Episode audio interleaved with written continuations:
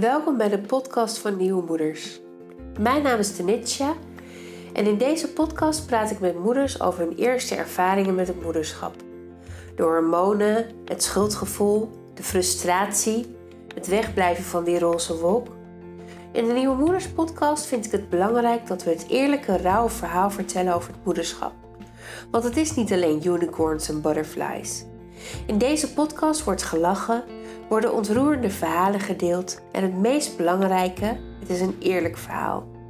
In deze aflevering praat ik met Zoe, moeder van twee jonge kinderen met een goedlopend bedrijf. Met haar praat ik over haar struggles, hoe verlopen de ochtenden en hoe vond zij het om moeder te worden.